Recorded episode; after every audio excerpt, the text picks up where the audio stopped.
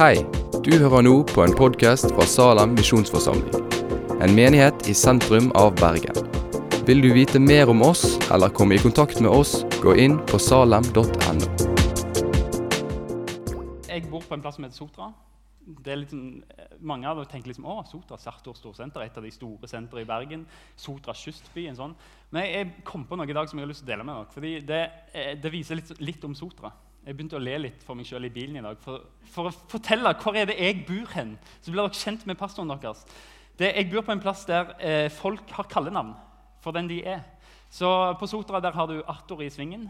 Eller Arthur i Posten. ja. Men sant, det er ikke samme person, så det er greit å skille Arthur i Svingen fra Arthur i Posten. Og så har du Kjersti på Skjæret. Eh, men det kuleste jeg noen gang har hørt, det er det beste kallenavnet. Det er en på Sotra som blir kalt for Vellen. Og er det noen som kan tippe hvorfor han heter Vellen? Ingen, sant? Fordi eh, han er fra Amerika. Han begynte alle setninger Well, you know. Og så på Sotra så bare Ja, nei, da er Vellen. Og det verste var at det kom en amerikaner til til bygda. Og han òg sa jo 'well' hele tida. Så den ene ble 'Vellen', og den andre ble 'well you see'. Fordi han sa 'well you see'. uh». Det er sånn jeg plass jeg kommer fra. Så vet dere det, da, jeg bor litt på bygda sammen med Vellen og Well you see-en. Akkurat nå hadde vi fotograf i går, og vi planlegger å flytte. Eh, men vi skal ikke lenger enn til Sotra. I dag er tema oppstandelsen. Det var en bra overgang. Skal vi be? Nei. Eh, I dag er tema oppstandelsen. Fordi eh, oppstandelsen er det viktigste kanskje i påskebudskapet. Utrolig viktig. Det er faktisk grunnfjellet i troen vår. er oppstandelsen. Eh, og Jeg har jobba masse med det, og det, det er noe av det mest spennende jeg har jobba med på lenge. Tor begynte, altså Tor Håvik talte sist lørdag. Hvis dere noen gang trenger en andagsholder, noen ting, spør Tor Håvik her i Salem. Fantastisk formidler. Utrolig gøy å høre på. Hadde et bra budskap. Og så Hvordan skal jeg hoppe etter Wirkola? Etter Tor forrige lørdag? Jeg bare fortsetter der han slapp. Så slipper dere å sammenligne oss. Det er iallfall mitt mål i dag. da. Men eh, Han talte sist gang om oppstandelsen, altså om, om lidelsen til Jesus. og hvor, hvor, historisk oppstandelsen er. At det faktisk skjedde. Hvor sannsynlig det er historisk sett. Eh, hvor, hvor, trygt det er å tro på oppstandelsen rent, rent historisk. Eh, og så har jeg lest to bøker som jeg har lyst til å anbefale. De kommer opp her. En som heter 'The Resurrection in Your Life', og en som heter 'Lifted Experience in the Resurrection Life'. Sam Albury får dere tak i en bok for han. Les den. Knallbra. De skriver teologi med historier. De forteller historier, og så lærer du noe om teologi. Så de to bøkene, Hvis du skal lese bøker i påsken, bestill de nå, så får du de i posten. Helt, helt kongebøker. Eh, det jeg har lært når jeg jobber med oppstandelsen, er at oppstandelsen forandrer alt. Alt. Oppstandelsen forandrer absolutt alt. I dag skal vi se på at oppstandelsen kan gi oss visshet. Og oppstandelsen gir oss forvandling, altså vekst i kristenlivet. Det er de to tingene som er poengene i talen i dag. Visshet og forvandling. Eh, jeg syns det er gøy å bestille ting posten, i posten. Sant? Fordi Det kommer en postmann på døra. ding dong, Det skjer jo aldri. Altså, jeg har bodd syv år på Sotra nå, og jeg har ringt på døra to ganger. Eh, men sant? Når postmannen kommer og ringer på, så er det gøy. Du føler deg litt viktig. Du får signere noe. Men poenget er jo at det, den som har sendt pakken, han vil jo vite har Christian faktisk fått denne pakken, eller stakk postmannen av mann, sånn som han sikkert gjorde med alle de andre tingene mine. Men poenget er at de vil vite har pakken kommet fram. Vi vil ha et bevis på at pakken er kommet fram. Og Jesu oppstandelse, det er Gud som signerer på Jesu død. Som signerer på frelsen. Det er et bevis på at synden er blitt betalt. Jesus kommer til Gud og sier, 'Se, jeg har dødd for menneskene på et kors.' Og Gud sier, 'Signerer med å reise Jesus opp fra de døde.' og sier, 'Det er bra nok. Godt nok. Betalt.' Jesus sa at han skulle dø som løsepenge for synder. Og så kan vi vite at betalingen gikk igjennom og ble godkjent fordi vi har Guds signatur i at, Jesus, at Gud reiste Jesus opp fra de døde. Det er det bibelske poenget med oppstandelsen. At, at Gud anerkjenner den døden og sier 'Yes! Betalt. Signert. Stå opp'. Oppstandelsen betyr visshet. At vi kan være sikre på frelsen. Og Det betyr, det bekrefter, altså det gir oss visshet om to ting. For det første at Jesus er den han sier at han er. Og det andre at han gjør det han sa han ville gjøre. Oppstandelsen bekrefter for oss hvem Jesus er. For det første, han, sier, han er den han sier han er. I apostelgjerningene 3 så har Peter, apostelen Peter nettopp helbredet en tigger. Mange folk kommer til, og det, det er en sensasjon. Sant? En, en, en lammein som er blitt helbredet, som plutselig går igjen. Folk kommer til, og så begynner Peter å tale til dem, men ikke om helbredelsen, han begynner å tale om oppstandelsen. Og så gir han dem en trepoengs tale. I apostelgjerningene 3.15 leser vi. Peter sier, men livets opphav som han drepte dere, han som Gud reiste opp fra de døde, det er vi vitner om. Det er en kort tale som viser oss oppstandelsen, hva den betyr. Dere drepte han. Gud reiste han opp fra de døde. Vi så han. Det er Peters tale. Og Så skal vi dobbeltklikke liksom på, de, på, på, hver av de tre tingene. Hvis vi dobbeltklikker på 'de drepte han', så, så kommer det opp at eh, Peter sier 'Dere jøder, dere drepte Jesus' han, Jesus gikk fram og sa 'jeg er Gud'. Han sa egentlig 'jeg er Messias'. Og Flere ganger så sa han 'jeg er'. Eller han sier 'jeg er', 'jeg er', sier han. Altså, han sier 'jeg er Gud'. Han kaller gudsnavnet om seg sjøl. Og jødene de sier 'han er en blasfemiker', han må vi drepe'. Og så overgir de han til romerne og sier 'han her er en oppvigler', dere må ta knekken på han'. Og så sier Peter til romeren som er der, 'dere henretter han'. Og orden var viktig for romerne. Så kommer det her en som påsto at han er konge og så blir de kvitt han. Han kan jo være en, et uromoment i, i romerens store orden, i freden. Barabbas gikk fri, en, en, en, bare en opprører. Og så kommer det en tronrøver. Han må vi ta. Og så henretter romerne Jesus. Dere drepte han, sier Peter til jødene og til romerne. Men Peter mener òg Gud. Fordi Gud drepte òg Jesus. Det er ikke bare en kirkelig dom over Jesus, at jødene, eller en synagogisk dom sier at han må dø. Det er ikke bare en juridisk som jeg sier at romerne sier at han må dø, men det er en åndelig dom der Gud sjøl tar livet av Jesus. Det er straffen egentlig. Guds dom over Jesus. Han ble forlatt av Gud. Og vi trenger, vi trenger egentlig ikke en beskrivelse av Jesu fysiske død. Selv om det, det, gjør noe med oss. Men alt ligger i de ordene at han, han døde åndelig òg. Fysisk, ja. Men det mest smertelige var den åndelige døden, der han ropte ut 'Min Gud, min Gud, hvorfor har du forlatt meg?' Og Svaret til Gud det er at i Jesaja 59, så sier han det er synden som skiller mennesker fra Gud. Og Når Jesus tar på seg den synden, så blir Jesus skilt fra Gud. Mørket kommer over, og Gud forlater han. Det er fortapelse. Det er helvete. Når Gud tar sin fred, sin kjærlighet, sitt liv og forlater en plass, det er helvete. Jesus erfarte det.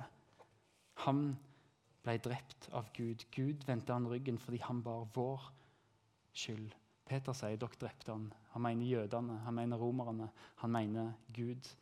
Og Disiplene på en måte forsegler det hele med å begrave Jesus. Det er et endelig punktum. Nå er Jesus død. Det siste avskjeden i vår setting. Det siste vi ser, det er kista blir senkt ned i bakken. Inn i gravens mørke. Det er enden på historien. Dere drepte han, sier Peter. Begravelsen er enden på alle menneskelige historier. Men når Peter er ferdig med første del av talen sin, folk tar på seg jakkene og de tar vesker for å gå, så kaller han de tilbake med en sjokkerende nyhet. Så sier han, men Gud reiste Jesus opp fra de døde. Gud reiste Jesus opp fra de døde. Historien om oppstandelsen det er en reversering. Oppstandelsen gir Jesus oppreisning for dommen. Oppstandelsen viser oss at Jesus er den han sier at han er. Fordi Gud kunne ikke la Jesus være død. Fordi han var syndfri.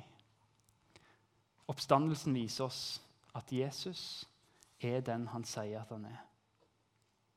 Det er en reversering. Gud gir Jesus oppreisning for dommen.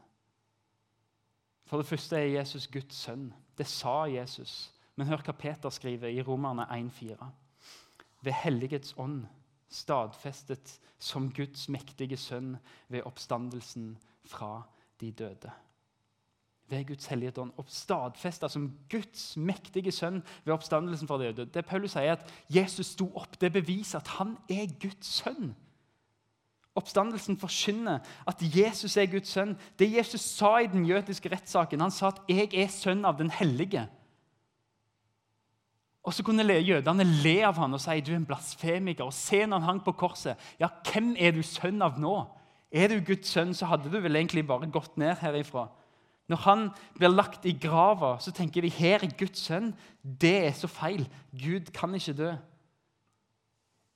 Men Gud reiste Jesus opp fra de døde, og så sa han det er sant. Jesus er min sønn. Det er blitt bevist som Guds sannhet gjennom oppstandelsen. Blasfemikeren hadde rett. Han var Guds sønn. Og vi liker Jesus i krybba. Vi liker Jesus at han ligger der og er ufarlig. Men, men vi tenker på han som en mobil eller som penger. Ikke vift med han på en plass der det er mye folk. Bare hold det for deg sjøl. Legg han i lomma. Men oppstandelsen gir deg ikke den muligheten. Fordi han er ikke accessories. Han forlot grava ikke for å stå i et hjørne, men faktisk for å bli opp til himmelen, Guds høyre hånd, og sitte der og regjere som konge over universet. Det er ikke mulig å ta Jesus og legge han i lommen, for da har du ikke Bibelens Jesus. For det er universets konge som er herre, og som forvandler liv. Jesus er frelseren. Han hadde sagt han skulle frelse. Og Han hang på et kors, og det er latterlig å tenke på. Det er ironisk, fordi folk går forbi han og sier Kan du ikke frelse deg sjøl, du som sier du er frelser? Men det de ikke visste, var at korset var verktøyet hans for å frelse andre. Hadde han frelst seg sjøl og gått ned fra korset, så ville han aldri vært din frelser. I apostelgjerningene 5, 30, 30 og utover så står det Våre fedres Gud reiste opp Jesus, han som dere hengte på et tre og drepte.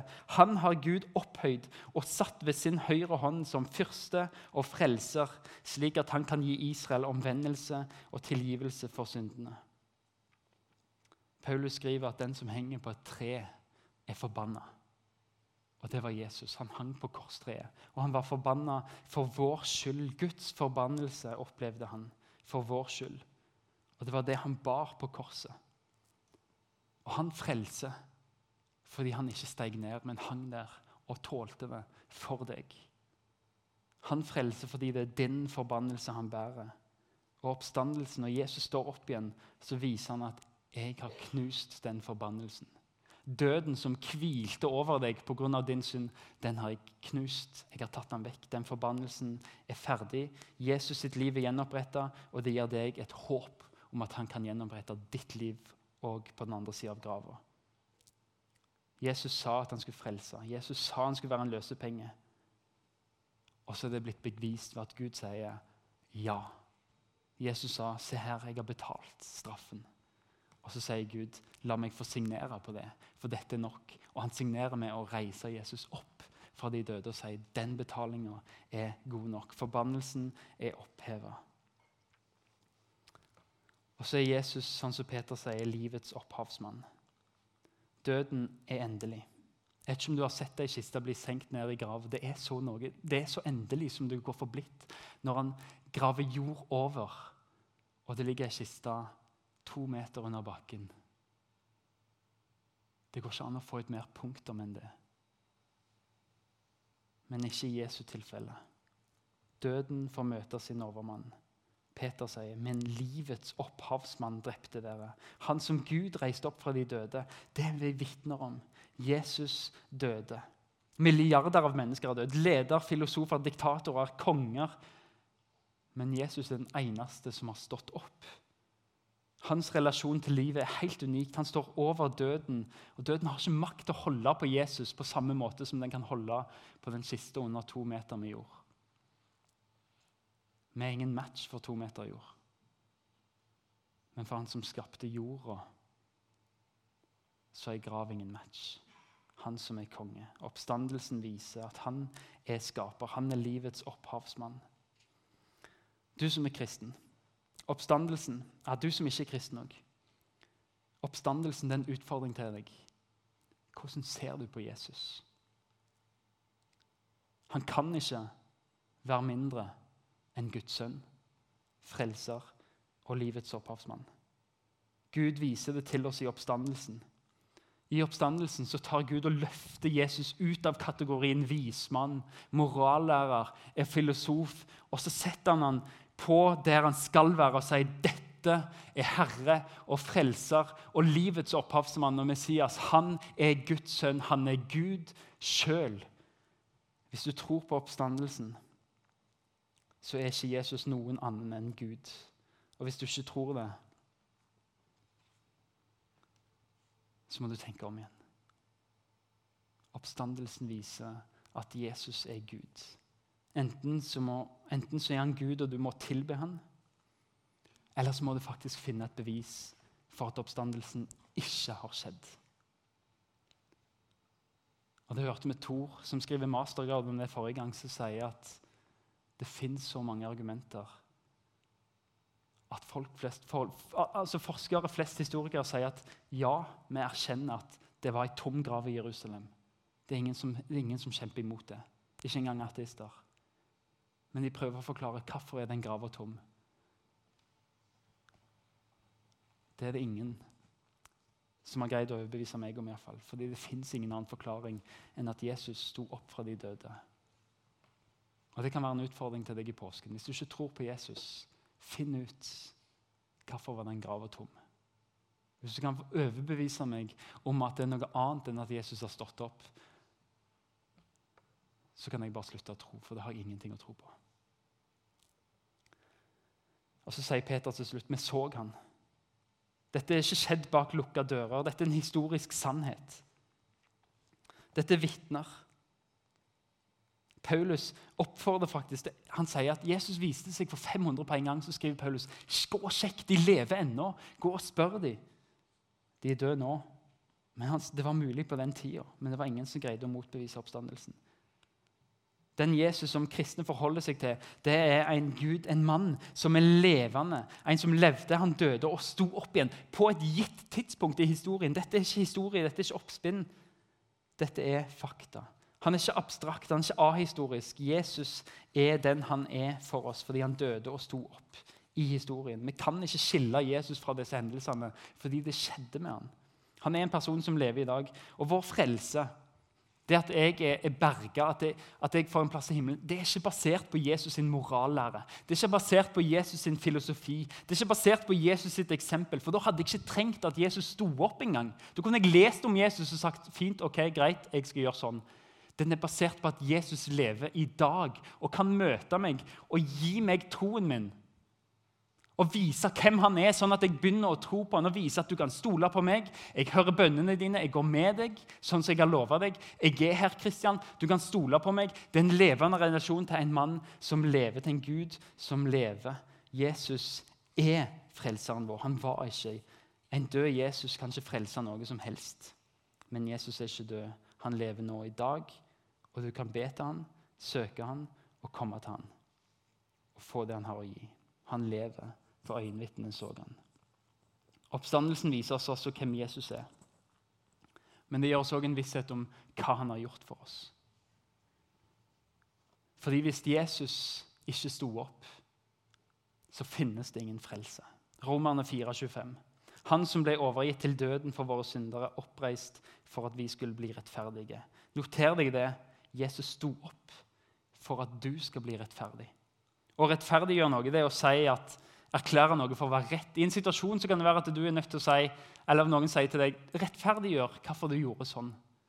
Så må du på en måte føre et bevis for at det er greit, det du gjorde. Du må føre bevis for at det er riktig, bevise at du har rett. Og Paulus snakker om at vi er rettferdiggjort av Gud. Så langt Gud kan se, og det er overalt, så har vi det på det rene. Alt sammen når vi tror på Jesus som har oppstått. Det er ingenting som kan sies mot oss. Jesus frelser oss, men det kan han bare gjøre fordi han lever og kan dra oss sjøl og gi oss troen. Kan dra oss til seg sjøl og gi oss troen. Men kunne ikke Gud bare ropt ned til mennesker bare ropt og sagt det er greit. OK, betalt. Synden er betalt. Hvorfor måtte Jesus stå opp, egentlig? Har du tenkt over det? Hva er grunnen til at Jesus måtte stå opp? Kunne ikke bare vært ok, død? Han har tatt vår straff. Fint, vi får leve. Hvorfor måtte Jesus stå opp? Hva er vitsen med det, egentlig? Fordi døden Det står syndens lønn er døden. Det viser syndens problem. Synd er alt vi gjør som, som ikke går overens med Guds vilje. Oppstandelsen viser konsekvensen og følgen av frelsen. La meg forklare. Synd det er å velge vekk Gud. Gud som skaper liv, Gud som er livets opphavsmann. Derfor, hvis du velger vekk Gud, så velger du egentlig død. Synd er åndelig selvmord. Det er som å sage av ei grein fra livskilden. Syndens lønn er døden. Og vi liker ikke å snakke om død. Selv om, Tenk over det. Det er det mest naturlige i hele verden. Ti av ti dør. Men det ligger i oss å, å ikke snakke om det, å vende vekk fra det og bare tenke Nei, jeg vil ikke snakke om det. Vi gjemmer vekk syke mennesker. Vi er redd for å snakke om død. Fordi død og synd helt djupt inne så kjenner du at det hører ikke til her. Det skal ikke være en del av det å være menneske. Det er fremmed for oss. Det er fordi Gud skapte oss til liv. Men synden, når vi velger vekk Gud, så velger vi faktisk død. Døden velger vi når vi synder. Når vi ser sånn på døden, så begynner vi å se opp betydningen av oppstandelsen. Å reise Jesus opp fra de døde det var ikke et tilfeldig mirakel. Det har en mening. Døden Jesus døde, det var et resultat av din og min synd. Beviset for at han betalte den straffen fullt og helt i oppstandelsen. At han får et helt nytt liv. Synden knuses. Døden knuses. Jesus blir seierherre. Konsekvensene blir rett opp i. Syndens lønn er døden, ja. Men oppstandelsen viser livet. Oppstandelsen viser og gir oss håp. Derfor er det en visshet for oss. Den viser at det Jesus gjorde, det er fullbrakt. Det er fullført. Synden er knust. Døden er knust. Den viser at Jesus gjorde det han sa han skulle gjøre, og gi sitt liv som en løsepenge for mange. Gaven er levert. Gud har signert med å vekke Jesus opp fra de døde. Men spørsmålet er om du tar imot den.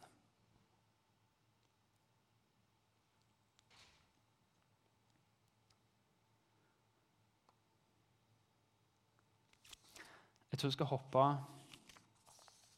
ganske langt. Vi skal ikke holde på så lenge. Men jeg har lyst å snakke litt om at oppstandelsen skaper forvandling i oss. Vi skal ta det helt kort.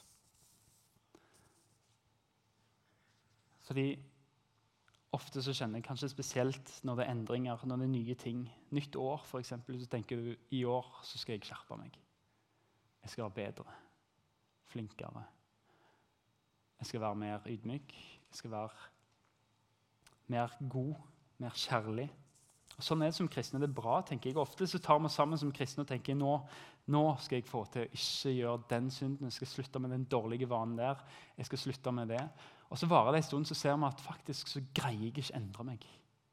Jeg faller tilbake igjen. Når vi prøver å ta oss sammen, så faller det bare tilbake.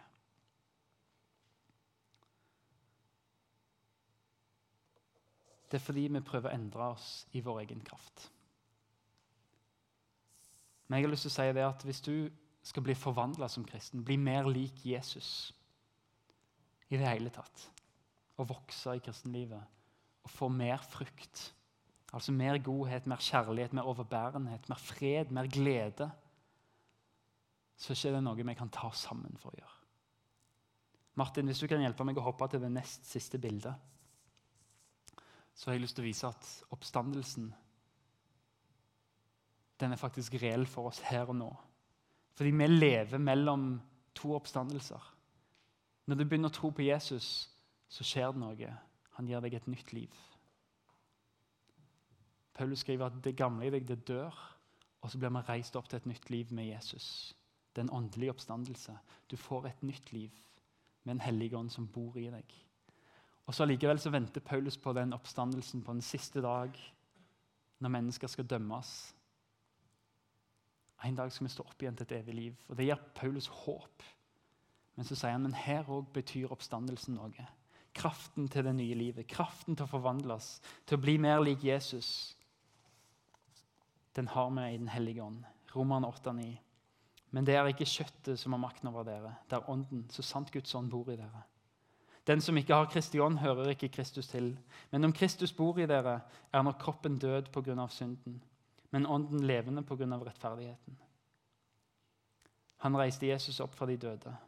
Og dersom Hans ånd bor i dere, skal Han som reiste Kristus opp fra de døde, også gi deres dødelige kropp liv ved sin ånd som bor i dere.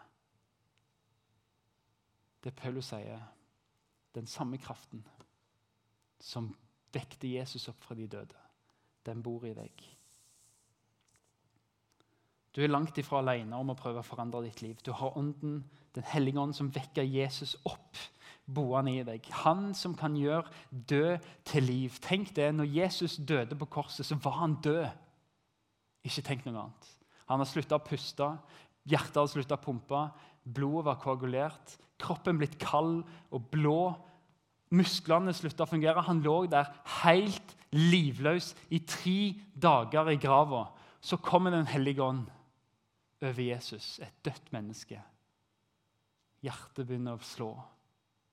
Blodet begynner å pumpe ut i en død kropp. Helt ut fra ingenting. Den guden som skapte mennesker av støv og blåste liv inn i det, er over Jesus sin kropp. Blåser liv inn i en død kropp som har vært død i tre dager. Hjertet begynner å slå, blodet begynner å pumpe, kroppstemperaturen begynner å stå opp. Og Jesus får luft i lungene, åpner øynene og lever igjen. Den hellige ånd som gjør det, han bor i deg. Den synden som du ikke greier å komme deg ut av, det som du sitter fast i, den dårlige vanen som du prøver å skjerpe deg etter.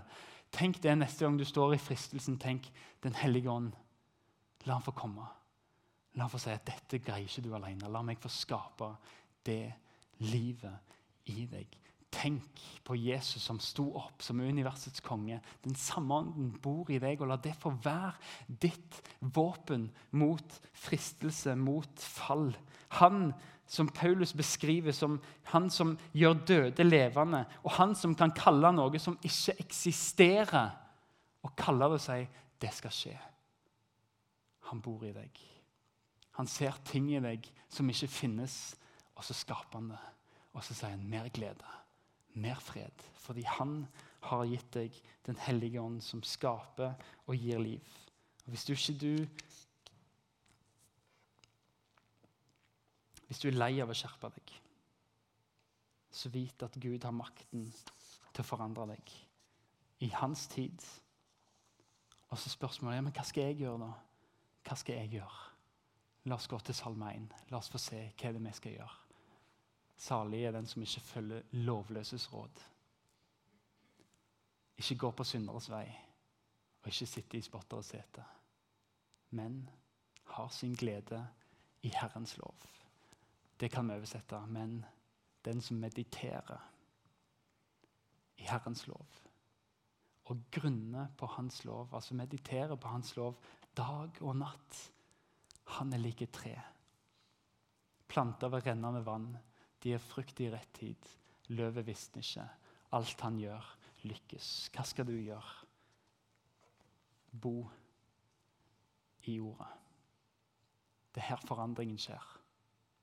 At du bor her, og at han får skape det som står her, inn i ditt hjerte. Troen er en relasjon. Troen er som et ekteskap. En er nødt til å bevare relasjonen. En er nødt til å sette av tid bare helt alene til å sitte på fredagskveld og bare se hverandre inn i øynene og spørre hva tenker du på. Hvis en skal lykkes som ekteskap, må en sette av tid til hverandre. Sånn er det med Jesus òg. La Jesus skape troen i deg. La han få gi deg kraft som vekter opp han fra de døde, sånn at du kan bli forvandla. Skal vi be. Herre Far.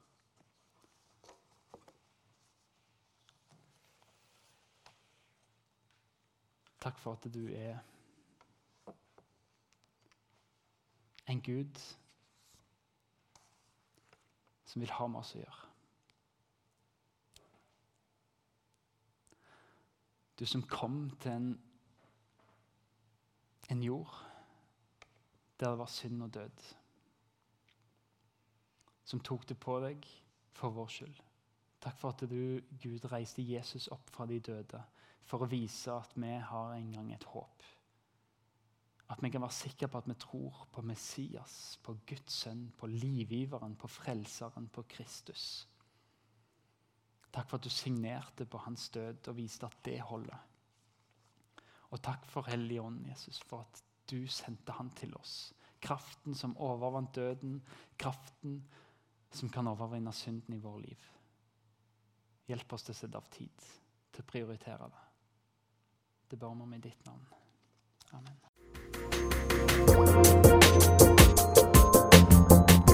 Takk for at du har hørt på podkasten fra Salem, Bergen. I Salem vil vi vokse i et stadig dypere fellesskap med Gud og med hverandre. Vi vil være Jesu hender og føtter, og vi vil være med å forkynne frelse for Bergen og resten av verden. Besøk oss gjerne på salem.no om du vil vite mer.